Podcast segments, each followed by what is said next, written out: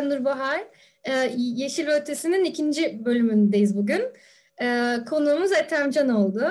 Ee, bizim vaatlerimizden biri bir ay bir doğa bilimci, bir ay bir beşeri bilimciyle çağımızın sorunları hakkında konuşmakta ama ikinci bölümden bu sözümüzü bozmuş olduk. Çünkü kimi doğa bilimci, kimi beşeri bilimci olarak tanımlayamayacağımız aslında interdisipliner bir alanla uğraştığımızı fark ettik. E, Ethemcan da sanırım bunun, bu karmaşanın en e, temsili örneklerinden biri olacak. E, kısaca ilk bölümde biraz bahsettik ama burada da söyleyeyim Yeşil ve Ötesi'ni niye yapıyoruz ve biz kimiz diye. E, ben Nurbahar Hacettepe Ekoloji'de doktora yapıyorum. Daha önce ODTÜ'de yüksek lisansımı yaptım yine ekoloji alanında bir tez yazarak. Ama mühendislik mezunuyum ben de. Sonradan bu alanlara geçmeye karar verdim. E, bu Yeşil Ötesi'ni yapma hikayemizde Mete ile e, Özlem Sert'in e, Hacettepe Üniversitesi'nde açtığı çevre tarihi dersiyle gerçekleşti. Derste böyle çok interdisipliner bir ortam oluşturduk. Özlem Hoca'nın tarihçi olması benim biraz daha doğa bilimleri ayağından, Mete'nin birazdan da kendi anlatacak daha siyasetçi olması. Böyle çok güzel bir karmaşa çıktı ortaya ve böyle çok eğlendik de ders alırken. Sonra bunu biraz daha neden kamusal bir işe çevirmeyelim diye düşündük. Ee, böyle işte bölümler yapmaya karar verdik ve şey ayda bir tane şimdilik ritmimiz tekrar edeyim onu çünkü ikimiz de yeterliliğe hazırlanıyoruz. Sonrasında ne olur bilmiyoruz. Ee, çok da uzatmadan Mete devrediyorum sözü. Sen biraz kendini anlat Mete istersen. Yani sonrasında yeterliği geçemeyip bir daha yeterliğe de hazırlanabiliriz. Ha, çok o, da, o, o da bir ihtimal evet. Ee, yani ben de kısaca formal olarak bahsedeyim. Sırasıyla uluslararası ilişkiler, yüksek lisansta sosyoloji okudum. Doktora da Hacettepe siyaset biliminde devam ediyorum. Yani bir sorun olmazsa da e, devam edeceğim gibi görünüyor. Bence direkt konuya girelim. Ethem Can'ı fazladan bekletmeden. Mesela Ethem Can Turan kimdir diye devam edelim. Pas atmış olalım böylece. Ee, ben önce davet için teşekkür edeyim. Ee, böyle sizinle sohbet etmek çok keyifli. Ee, şimdi Nurbahar e, en başından oraya bir böyle şey yaptı, top attı. Ben de orada göğsümde yumuşatıp oradan devam edeyim o zaman. Ben aslen çevre mühendisiyim. Aslen deyince de aslında aslen Afyonluyum ama Ankara'da doğma büyümeliyim diye öyle dermiş gibi. Çevre mühendisliği e, okumamın herhalde tek sebebi tek tercih yaparak böyle ÖSS zamanında 10 puan üstten yazarak falan girdim ben e, çevre mühendisliğine. Bütün neredeyse sülalemin mühendis olması. E, bizim aile tarafında bol bol mühendis var. Ben de e, kişisel olarak işte böyle şey yaparken dedim ne olabilirim? İşte çevre meselesiyle ilgileniyorum. E o zaman çevre mühendisi olunur diye düşündüm. E, ODTÜ'de çevre mühendisliği okudum e, çevre mühendisliğiyle e, oldukça hayal kırıklığına uğradım. E, daha ziyade mühendislik kısmıyla e, hayal kırıklığına uğradım. E, daha sonra mühendislik kısmını bıraktım. Çevre kısmıyla e, yola devam ettim. E, İspanya'da Barcelona Otonom Üniversitesi'nde Çevre Bilimleri ve Teknolojisi Enstitüsü'nde e, yüksek lisansımı ve doktoramı yaptım. O da aslında çok planlanmış bir şey değildi. E, ben bir süre kalkınma alanında çalıştım. Birleşmiş Milletler Kalkınma Programı'nda.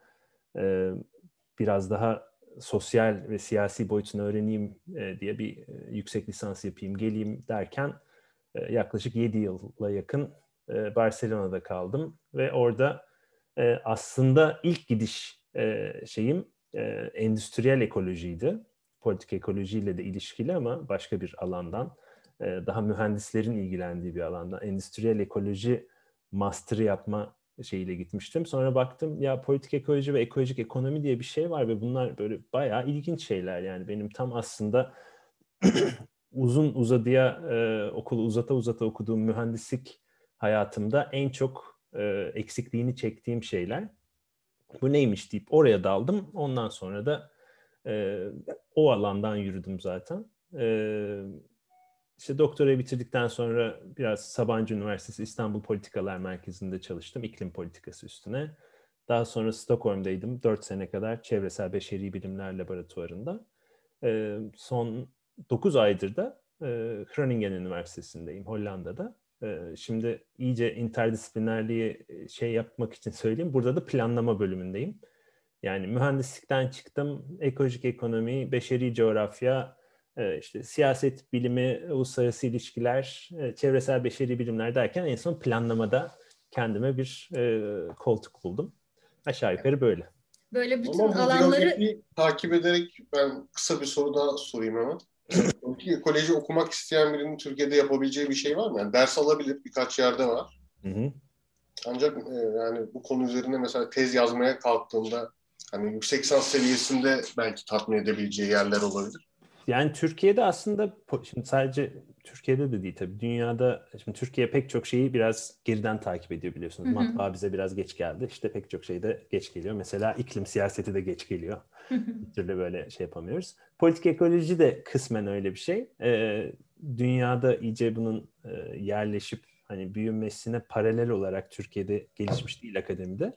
Ama özellikle e, son e, 10-15 yılda e, diyebiliriz ki Türkiye'de çevre çalışmaları alanı, daha önce de olan bir çevre çalışmaları alanı var tabii ki. Ağırlıklı olarak siyaset bilimi, sosyoloji, çevre sosyolojisi alanlarında e, daha fazla açıldı. E, ve uluslararası e, çalışmalarla daha fazla bağlandı, e, daha fazla e, ilişkilendi. Bu anlamda e, şu anda Türkiye'de e, akademik olarak politik ekolojiden bir şeyler yapmak isteyenler için e, bence çok fazla fırsatlar var. Daha da artıyor. Özellikle e, senin de söylediğin yüksek lisans ve doktora düzeyinde hı hı. belki bir tık daha fazla. Ama lisans düzeyinde de bu alana e, ilgi olduğunu e, ben biliyorum, duyuyorum en azından e, arkadaşlarımdan. Ben de e, Türkiye'de çalıştığım zamanlarda özellikle misafir e, ders verdiğim zaman çeşitli yerlerde onu da e, çok gördüm. Hani özellikle politik ekolojinin tipik bir e, işte çevre çalışması alanından farklı e, boyutlarına yine farklı disiplinlerden e, öğrencilerin ilgisi var diye düşünüyorum. O zaman tam bu noktada şeyi birazcık açabiliriz. Politik ekoloji dediğimiz zaman ne anlamamız gerekiyor? Neler dahil bunun içine? Ee, politik ekolojiyi biz ekologlar olarak duyduğumuzda mesela Allah Allah tam olarak ne demek acaba olabiliyoruz. Ee, ve benim de konuya ilgim öyle başladı zaten. İçinde ekoloji geçen her şeye böyle bu neymiş bu neymiş diye bakarak. Ee, anladığım kadarıyla çok geniş bir kapsamı var aslında politik ekolojinin. Birçok şeyi e, içinde barındırıyor. Ee, daha sonra hani tanımladıktan sonra belki konunun da başlı olan nasıl yapılır'a yavaş yavaş geçebiliriz. Ben belki ona geçmeden önce sen çünkü ekoloji perspektifi sunun ama hı hı. Mete mesela bir siyaset bilimci olarak politik ekolojiyi duyunca ya da siyaset evet. bilimciler duyunca ne düşünüyorlar? Benim ilk çıkış noktam toplumsal ekoloji olduğu için mesela Nur Bayar'la taban tabana zıt bir yerden bakıyorum aslında. Hı hı. Yani Bookchin'in teorisinden ben politik ekolojiyi keşfettim. Ondan sonra baktım ha ekologlar da varmış. ya var, varız herhalde. Bir, ya şey e, benim esas derdim şeyle başlamıştı zaten. Ekoloji kelimesinin kullanımıyla doğa yerine de ekoloji dememizle, ekosistem yerine de ekoloji dememizle. Hani bunun e, birçok yerde sorun oluşturduğunu gördüm. Bir arazi çalışmasında doğa yerine ekoloji dediğimiz zaman amcanın bir dönüp şey yaptı.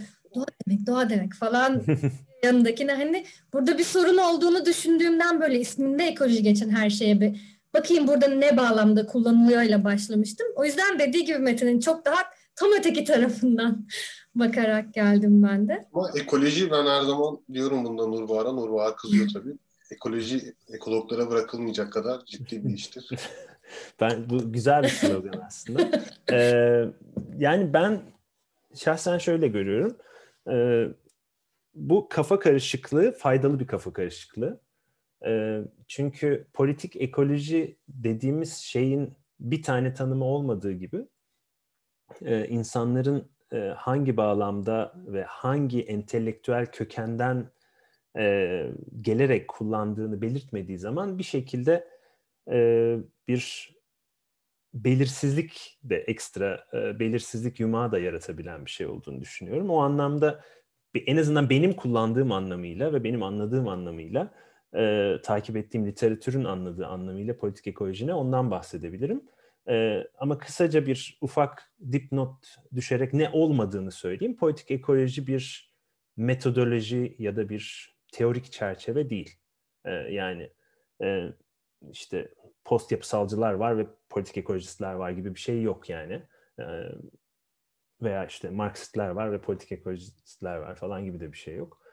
E, politik ekoloji aslında ta kökenlerine e, 1970'lere e, geriye çekersek e, biraz daha kültürel ekoloji, e, antropoloji, e, sibernetik teorisi, sistem analizi, sistem teorisi e, gibi e, temellerden gelerek ki 70'ler e, hatırlayalım küresel olarak çevre meselesinin siyasetin gündemine çıkmaya başladığı dönemler aynı zamanda.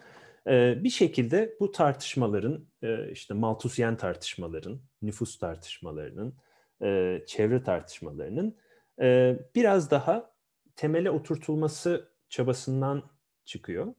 80'lere geldiğimiz zaman bu 70'lerdeki daha büyük söylemler biraz açıkçası yerel değişimleri, dönüşümleri açıklamakta yetersiz kalıyorlar.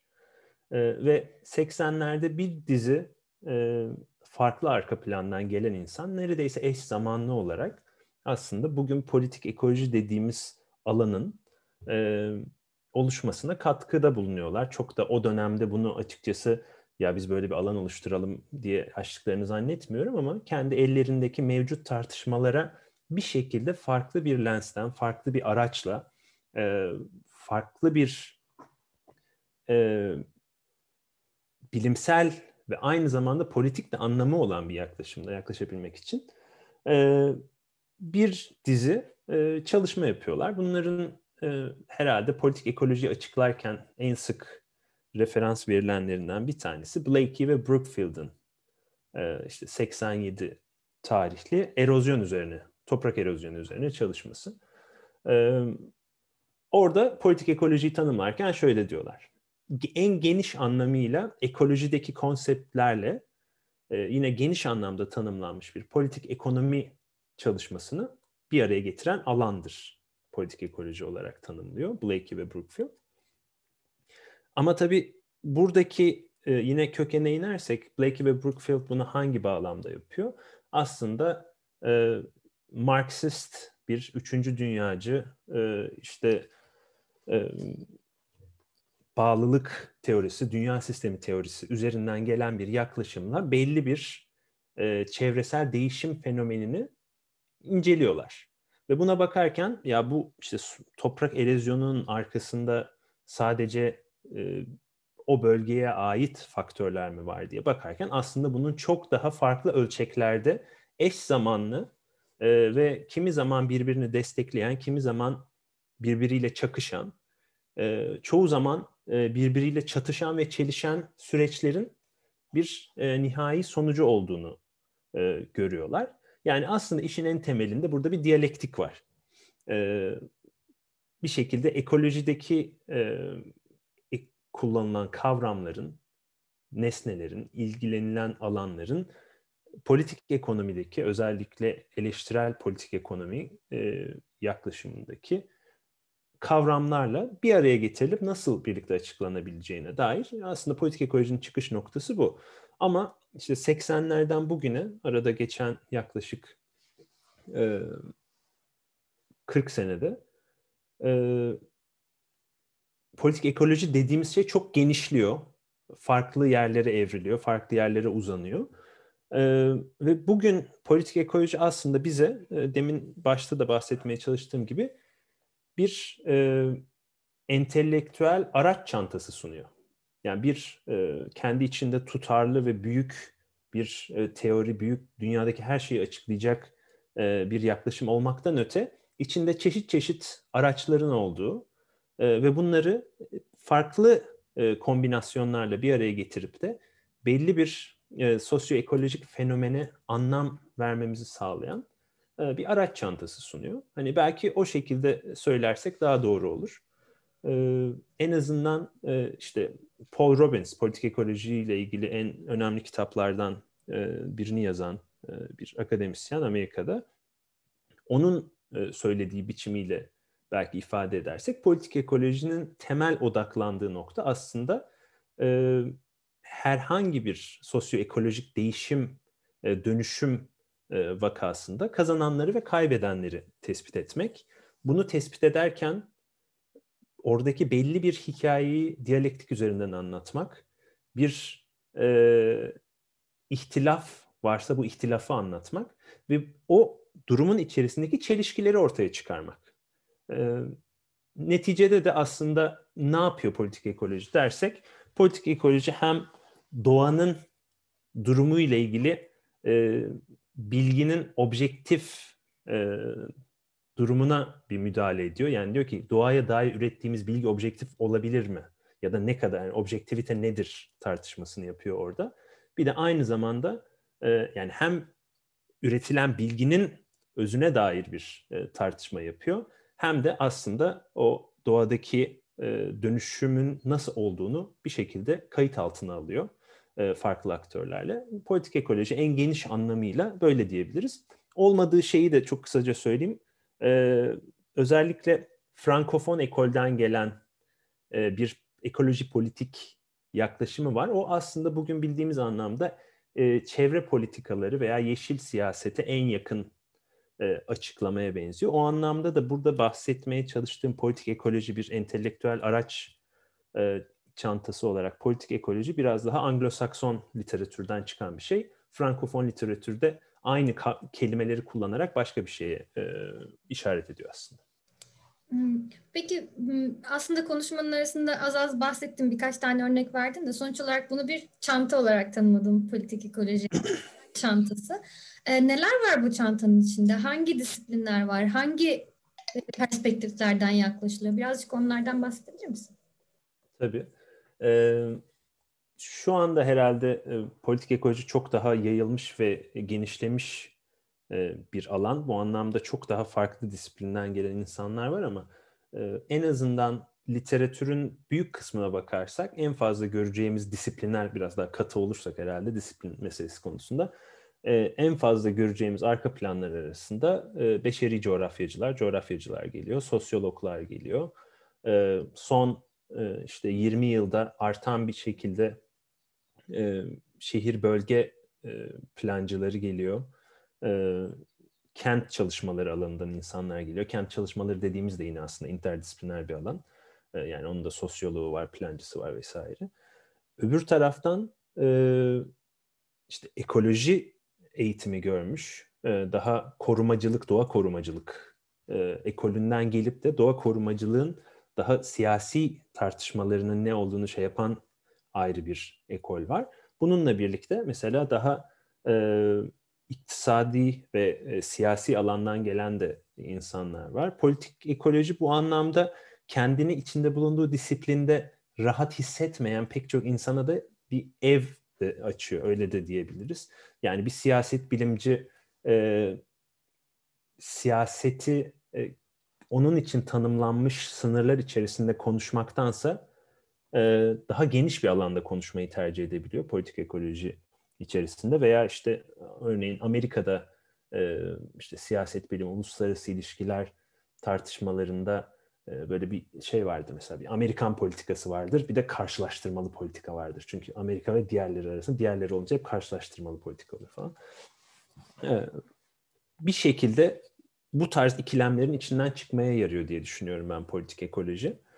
E, ve hani bu anlamda da e, son 20 yılda herhalde çok daha fazla farklı arka plandan gelen insan var ama yine ekseriyetle antropologlar, coğrafyacılar, sosyologlar e, ve bir şekilde de e, işte benim gibi, e, sizin gibi aslında biraz oradan biraz buradan gelip de kendi yolunu çizen insanlardan oluşuyor diyebiliriz.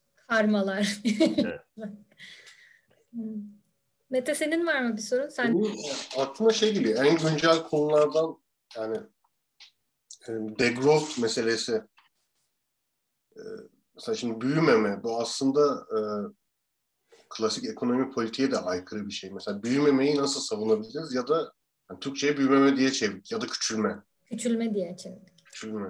Mesela küçülmeyi savunan bir e, disiplinler ötesi bir e, havuzdan bahsediyoruz aslında politik ekolojiden bahsederken. Yani böyle bir şeye imkan tanıması aslında muhteşem bir şey. Bunu da bir mantık zeminine oturtması iyi bir şey. Burada ben e, topu Ethemcan'a atayım. Mesela degrowth aslında çok saçma değil mi yani? Niye küçülelim ki diyerek. Yani belki işte yani bu büyüme, büyümeme, küçülme tartışması e, iyi bir örnek. E, ama bir taraftan da insanların bence aklına çok yatmama ihtimali e, olmasının sebeplerinden bir tanesi yine buradaki ölçeklerin geçişkenliği aslında küçülme ve büyümeme gibi bir e, yani degrowth'tan bahsederken aslında nasıl bir ölçekten bahsediyoruz? Küresel anlamda mı büyümemekten bahsediyoruz? Bir ülke anlamında mı bahsediyoruz? Belli bir yerde uygulanan küçülme e, deneylerinden mi bahsediyoruz? Daha prefigüratif siyasetten mi bahsediyoruz? E, hani bu anlamda küçülmenin politik ekoloji tarafından açıklanması her ne kadar faydalı olsa da belki girizgah olarak en azından e, daha kafa karıştırıcı olabilir diye düşünüyorum. Çünkü e, çok farklı seviyelerde tartışmaları e, yürüten bir şey. Belki şu şekilde bakabiliriz bu küçülme tartışmasına. Küçülme siyaseti, küçülme fikri aslında bir taraftan gezegenin materyal limitleriyle öte taraftan da e, siyasal ve iktisadi olarak mümkün olan başka dünyaların nasıl kurulabileceğine dair tahayyül arasında bir e, sandviç e, sunuyor bize öyle diyelim. Bunları bir araya getirerek bir e, sandviç sunuyor. Bir taraftan aslında daha ekolojik ekonomiden, e, işte madde akışlarının analizinden e, öğrendiğimiz belli limitler var. Gezegenin belli limitleri var. Bunlar materyal limitler. Öte taraftan da e, insan topluluklarının, insan dışı topluluklar ve birbirleriyle nasıl ilişkilendiğine dair e, işte süreçleri inceleyen çalışmalar var. Bunları bir araya getirebileceğimiz e, bir alan olarak politik ekoloji küçülme meselesine bize demin de e, bahsetmeye çalıştığım gibi farklı ölçeklerde bakma imkanı sunuyor. Örneğin e, politik ekolojinin en temel vurgularından bir tanesi şu, herhangi bir e, sosyoekolojik değişimde yakındaki ve yereldeki faktörlerden ziyade daha geniş ölçekteki sistemik dönüşümleri tespit etmek. Bunu yaparken e, bu dönüşümlerin arkasındaki güç ilişkilerini tespit etmek. Yani bunların aslında apolitik veya politika dışı, siyaset dışı, işte çevre meselesi hep öyle konu, şey yapılır ya, refer edilir ya. Biz burada siyasetten bahsetmiyoruz. İşte doğa meselesi, memleket meselesi falan. Ee, aslında bunun arkasında yatan güç ilişkilerini e, bir şekilde ortaya çıkarmak e, ve bunu yaparken de objektivite kılıfının arkasına sığınmamak. Yani biz bunu evet objektif olarak yapıyoruz değil ama hayır biz bunu yapıyoruz ve aynı zamanda normatif olarak da bir pozisyonumuz var. Demek aslında bu üç faktör e, bugün anladığımız biçimiyle politik ekolojinin akademik bir yaklaşım olarak politik ekolojinin işte örneğin degrowth gibi bir tartışmaya, küçülme tartışmasına bakışını e, daha iyi anlamamızı sağlayabilir. Bu anlamda küçülmeyi konuşurken sadece yereldeki küçük meselelerden bahsetmiyoruz. Makro düzeydeki tartışmalardan bahsediyoruz. Yani bugün eğer bir küçülme e, siyasetini ciddiye alacaksak konuşacağımız temel şeylerden biri işte küresel finansal akışlar. Küresel anlamda Örneğin merkez bankacılığının rolü. Aslında ekoloji konuşurken insanın aklına ilk önce Merkez Bankası gelmez. Ee, ya da işte Amerikan Merkez Bankası'nın faiz kararları bilmem ne kararları gelmez. Ama şu şekilde bağlarsanız belki biraz daha ilişkili olabilir. İşte 2008-2009 küresel iktisadi krizinden sonra ortaya çıkan e, özellikle işte Amerika'da Merkez Bankası'nın e, batan bankaları kurtarmasıyla birlikte ortaya çıkan kredi bolluğu Amerika özelinde aslında fracking, e, bu hidrolik çatlatma e, meselesinin temel arka planlarından birini oluşturuyor. Ortaya çıkan ciddi miktarda ucuz kredi enerji şirketleri tarafından işte o dönemde Obama yönetiminin de e, yukarıdakilerin hepsi şeklinde özetlenebilecek enerji yaklaşımı sebebiyle e, oradan gelen para e, hidrolik çatlatmaya aktarılıyor ve Amerika bir anda e, doğalgaz ithal eden e, bir ülkeyken doğalgaz ihraç eden bir ülke haline dönüşüyor. Beş yıl gibi kısa bir dönem içerisinde radikal bir dönüşüm var. Amerika'nın enerji görünümünde. Ama bunun da doğal olarak çok somut materyal e, ve materyal olmayan etkileri var yerellerde. Özellikle de işte bu hidrolik çatlatmanın yaşandığı topluluklarda ki bunların büyük kısmı e, siyahi topluluklar, işte yerli halkların toplulukları veya Amerika'daki çeşitli farklı etnik, ırksal azınlıkların, farklı sınıfsal e, grupların e, yaşadığı alanlar. E şimdi baktığınız zaman burada çok uzun bir e, şey var, e, zincir var. Ki zaten politik ekolojiyi açıklarken e, Ben Wisner e, ve arkadaşlarının çok meşhur bir kitabı vardır. E, daha ziyade e, kırılganlığı, afetlere dair kırılganlığı açıklar bu kitap.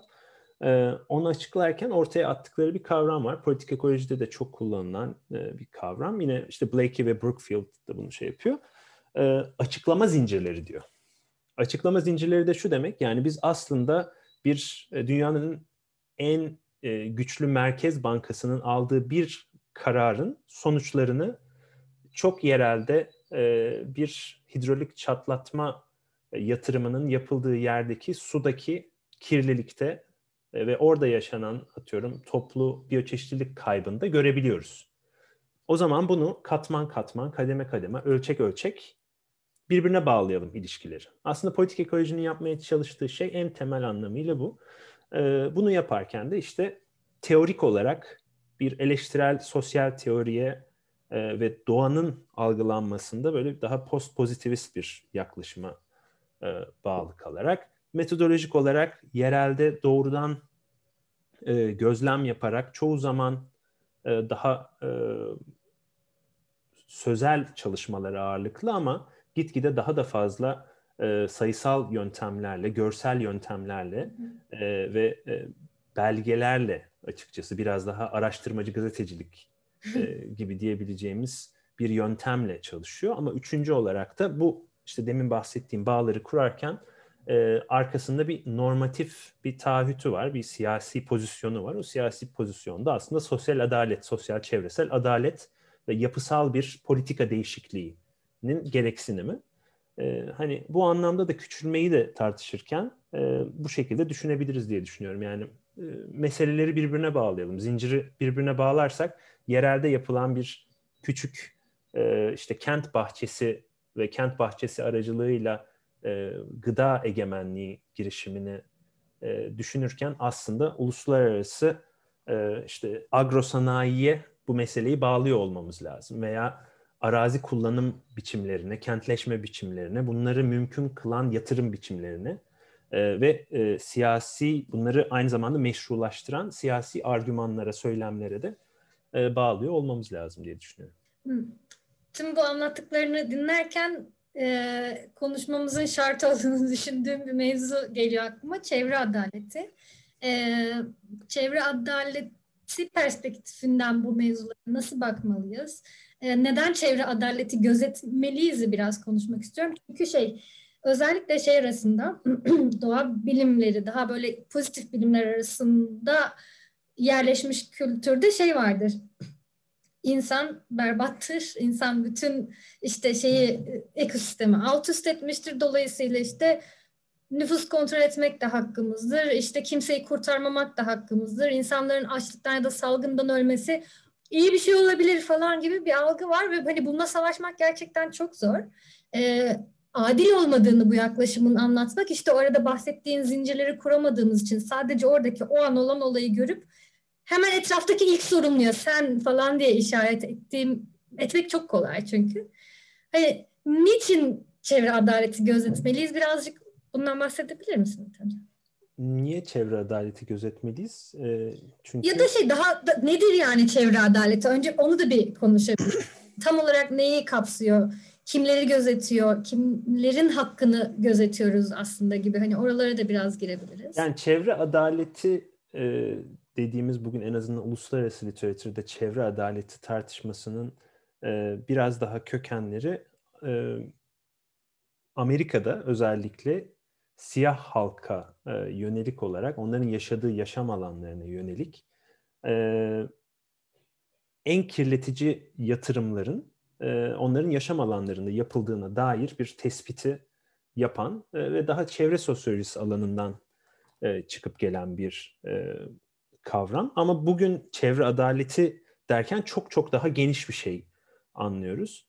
E, özellikle e, sanayileşmeyle birlikte kirletici e, süreçlerin, sosyometabolik süreçlerin kaybedenlerinin kim olduğunu ve aslında bu kaybın kimi zaman geri çevrilebilir ama çoğu zaman geri de çevrilemeyecek, e, telafi edilemeyecek kayıplarının ne şekilde iyileştirilebileceğinin, adaletin ne şekilde tesis edilebileceğinin tartışmasını yapan çok yine geniş kapsamlı bir tartışma. Bugün çevre adaleti derken e, adaletin temel e, adaletin en temelinde çalışan alanlardan olarak hukukçular tabii ki var.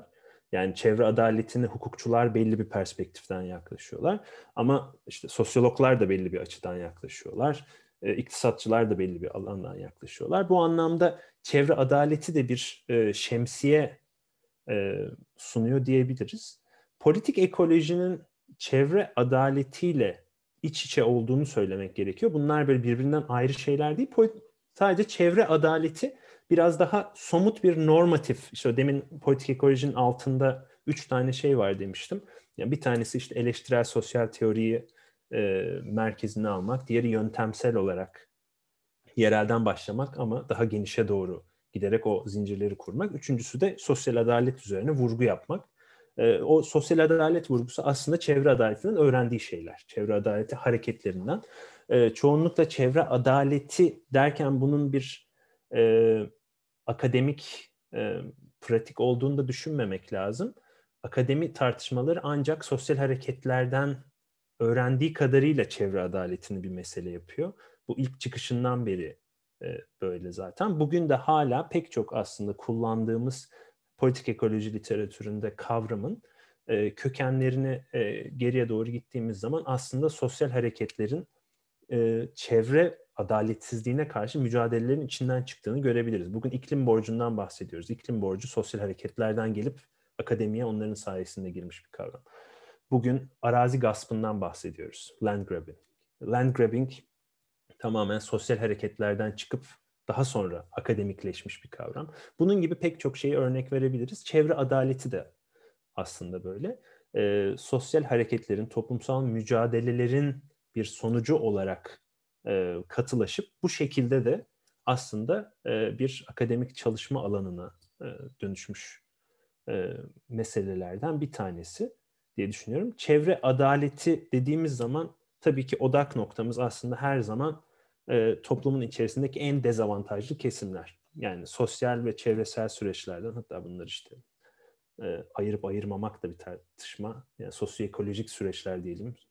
E, bu süreçlerden en fazla etkilenen, en dezavantajlı kesimleri aslında önceliklendiren e, bir yaklaşım olarak çevre adaletinin işte politik ekolojide ne yaparsak yapalım aslında en e, temelinde olduğunu söyleyebiliriz.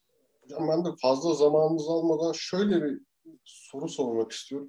Mesela politik ekoloji benim için yani ilk e, bir çatı olarak yaptığı en büyük şey toplum doğa ikiliğinin nasıl oluştuğunu, hani nasıl birbirinden ayrıldığını, nasıl birbirine zıt konumlandırıldığını aslında bunların temelde aynı şeyler olduğunu göstermesi açısından çok önemli. Yani bu olmazsa olmazı gibi bir e, politik ekoloji çatısının altında mesela bu benim için e, görülebilir olan bir şey. Mesela sizin için de benzer bir şeyi sor, sora, sor, yani sormak istersen ya, politik ekoloji olmasaydı neyi kaçırırdık gibi bir soru politik ekolojinin herhalde en azından bana e, en çok hitap eden e, kısmı şu. E, işte demin bahsetmiştim Paul Robbins e, kitabında e, politik ekoloji şey diye tanımlıyor. Bir balta ve tohum olarak düşünebiliriz diyor politik ekoloji. Bir balta çünkü önümüzdeki dünyayı gördüğümüz, deneyimlediğimiz dünyayı ve oradaki adaletsizlikleri orada aslında kaçınılmazmış gibi gözüken şeyleri parçalamamıza yarıyor o balta. Ama diğer tarafta da bir tohum var. O tohumda yeni e, sosyoekolojik tahayyüllerin e, mümkün olabileceğini söylüyor. Yani bir tarafta e, aslında bir yıkıcılığı var, diğer tarafta e, yaratıcılığı var. O anlamıyla da e, herhalde Marksist jargona da e, gayet güzel oturur. E, bir şekilde bir yıkıcı yaratıcılık e, var politik ekolojide. Benim için e, en çekici olan kısımlarından bir tanesi o. Çünkü e, açıkçası bir şeyleri eleştirmek evet önemli ama e, işte Sakallı'nın da dediği gibi e, asıl olan e, dönüştürmektir. Asıl olan değiştirmektir. Hani bu anlamıyla da e, politik ekolojinin sadece bir akademik disiplin, akademik yaklaşım, akademik işte araç çantası e, gibi düşünülmemesi gerektiğini düşünüyorum. Bugün e, belki de okuduğumuz, gördüğümüz e, en iyi e, kimi politik ekoloji çalışmaları akademi dışında üretiliyor. E, hani bunu da e, belirtmek lazım. Bu anlamıyla e, o fil dişi kuleye e, kapanıp kalmamış olması politik ekoloji benim için çekici yapan e, şeylerden bir tanesi. Çünkü politik ekolojinin bir ayağının sürekli olarak e, sahada, dünyada olması gerekiyor. E, o dünyadaki ayağını anlamlandırmak için e, belki teorileri ve yöntemleri kullanıyor ama o teorileri ve yöntemleri de e, dünyadan ilhamla şekilleniyor. Özellikle yine son e, işte 15-20 yılda feminist politik ekoloji, işte dekolonyal politik ekoloji, postkolonyal politik ekoloji yaklaşımlarından öğrendiğimiz temel şeyler var. Bunlar farklı epistemolojiler, farklı ontolojilerin yani farklı olma ve bilme biçimlerinin e, ne kadar çok gerektiğine dair e, bize bir alan açıyor. Hani politik ekoloji bunlardan öğrenerek, değişerek dönüşüyor. Yani 1980'lerdeki e, daha işte katı anlamıyla e, Marksist gelenekten gelen politik ekonomiyle çevresel dönüşüm meselesini bir araya getiren bir politik ekoloji yaklaşımının çok daha genişlediğini, açıldığını ve çok farklı yerlere doğru da ilerlediğini görüyoruz. Hani e, benim için herhalde olmazsa olmazı bu. Yani o çeşitlilik, o genişleme ki bunun içerisinde şu da var. E, yani son e, yine 10 yıldır herhalde e, daha da fazla e, kullandığımız yaklaşımlar işte insan, insan dışı, insandan öte, post insan, işte post humanizm falan e, genişleyen de bir şey var. Politik ekoloji de buna paralel olarak da genişliyor diye düşünüyorum. E, çünkü ilgi alanları genişliyor.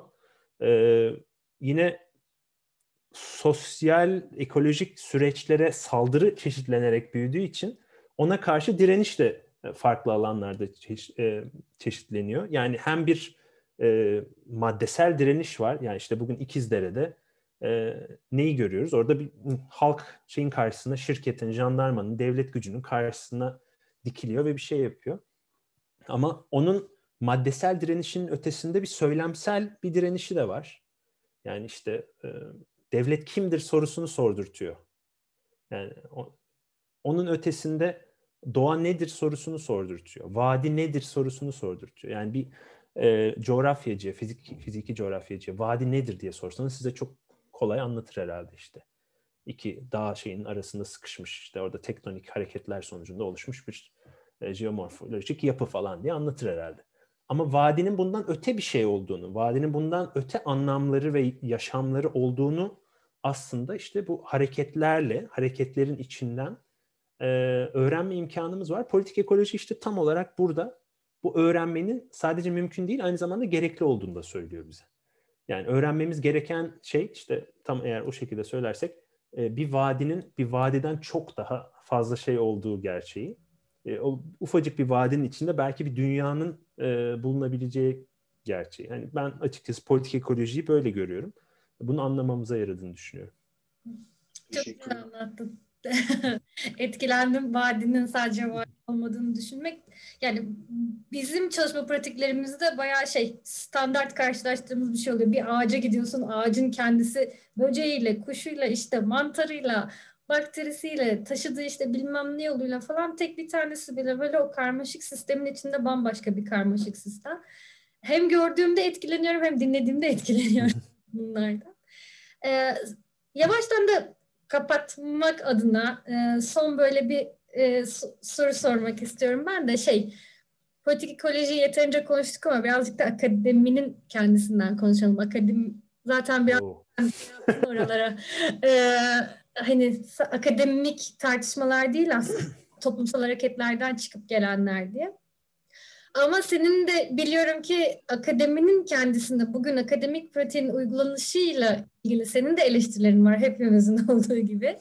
Ee, yani politik ekolojiyle birleştirmek zorunda değiliz ama seni yakalamışken sormak istiyorum. Yani e, akademik bir pratik olarak hem aslında toplumsal hareketlerin uğraştığı hem de işte akademinin uğraştığı bir şeyle uğraşırken nasıl sağ kalabiliriz? Yani gecemizi gündüzümüzü birbirine katmak zorunda mıyız gerçekten?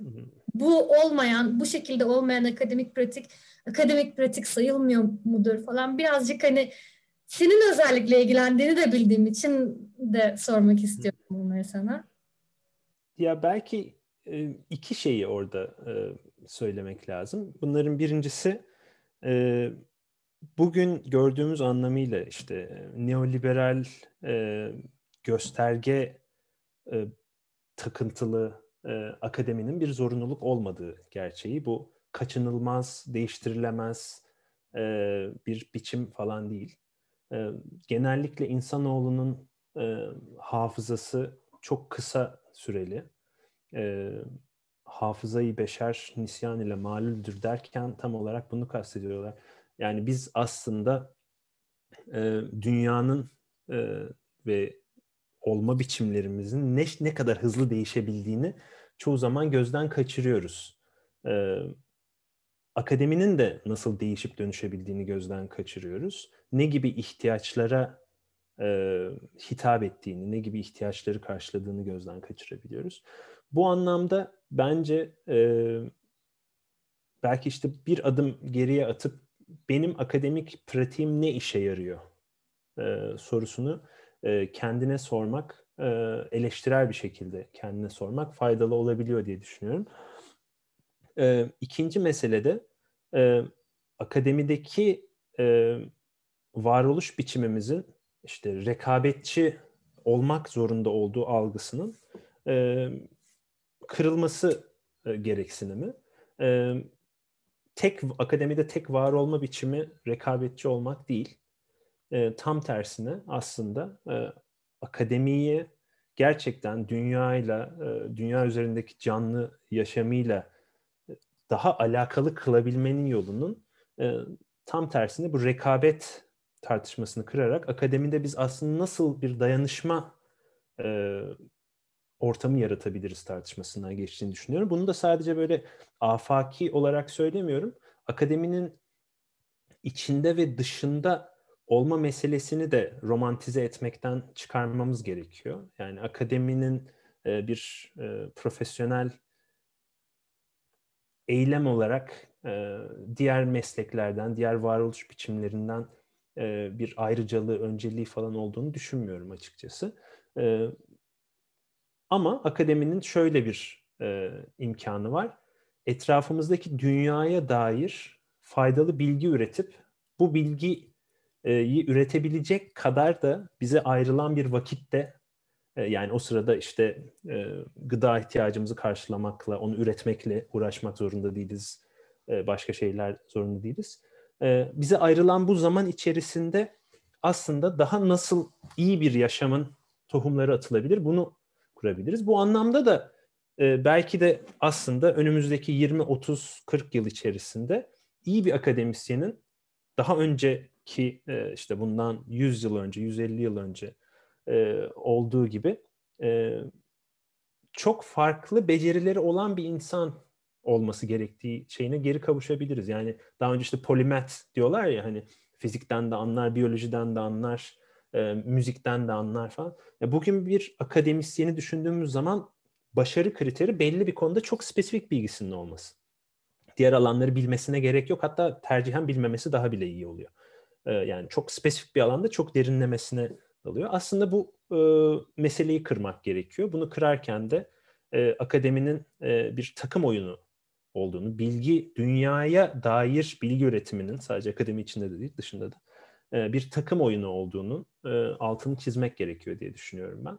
En azından ben böyle görüyorum akademiyi. E, bu şey pratiklerini o demin bahsettiğim işte politik ekolojinin baltası var dedim ya. Politik ekolojinin baltası umarım bu akademideki rekabetçi pratikleri de yıkmak için kullanılıyordur. Umarım. Hocam son bir soru soracağım. Nur varın yoksa tabii. Evde politik ekolojiyi nasıl yapıyorsunuz? Nasıl oluyor evde? Evde evde politik evde politik gösteriyor mu? Evde politik ekoloji yapıyorum ama yenmiyor işte. Bizde öyle bir şey var. Ee, bazen e, böyle e, bir şeyleri o demin bahsettim ya zincir bir açıklama halkaları zinciri şey öyle ben çok uzattığım zaman çok uzattın e, deyip sözümü e, kesiyorlar. Genellikle o yüzden e, evde e, politik ekoloji yapamıyorum. E, ama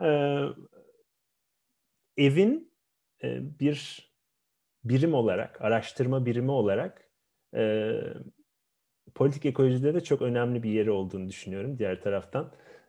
Çünkü çoğu zaman bir şeyleri araştırırken, incelerken hep orada uzakta bir yerde işte bir şeye gitmemiz gerekiyor. Bir şeye işte saha çalışmasına gitmemiz gerekiyor değil mi? Bir yere gidiyoruz işte orada alan araştırması yapıyoruz. Halbuki aslında bulunduğumuz yer ve bulunduğumuz konumdan e, başlayarak e, aynı soruları burada sorarak e, da çok farklı yanıtlar alabiliriz diye düşünüyorum. Burada ev derken ev hem fiziksel olarak yaşadığımız ev hem fiziksel olarak yaşadığımız mahalle, şehir, ülke ama aynı zamanda dünya. Yani burada şey romantizmine de kaçmayayım. Dünya evimiz ama hani buradaki soru şu. Biz kimiz sorusunu sormaya yarıyor diye düşünüyorum ben. E, çünkü homojen tek e, biricik bir biz yok. E, işte evde politik ekoloji yapmak da bu yüzden çetrefilli. Önce e, evin ve bizim e, kim olduğumuzu iyi tanımlamak gerekiyor herhalde. Zaten ekolojideki eko, oykosa geri dönersek eve varıyoruz. Evet. Şimdi oluyor. Evet. Hocam çok teşekkürler. Ben teşekkür ederim. Çok teşekkür ederiz. Harika oldu. Umarım e, güzel olmuştur, keyifli olmuştur. Dinleyiciler için de e, keyifli olur. O zaman de... YouTube'da aşağıda e, Ethemcan 55 en az asgari 5 diye anlaşmıştık. Kaynakça verecek. tamam vereceğim. De YouTube'dan gelip bakabilir ya da Twitter'da paylaşırız onu. Anladım. Ee, o zaman biz de önümüzdeki ay görüşmek üzere diyoruz. Senle belki daha daha öncesinde görüşürüz yine. bölüm olarak bir sonraki ay görüşmek üzere deyip kapatıyorum ben o zaman. Tamam. Teşekkürler. Ben de teşekkür ederim.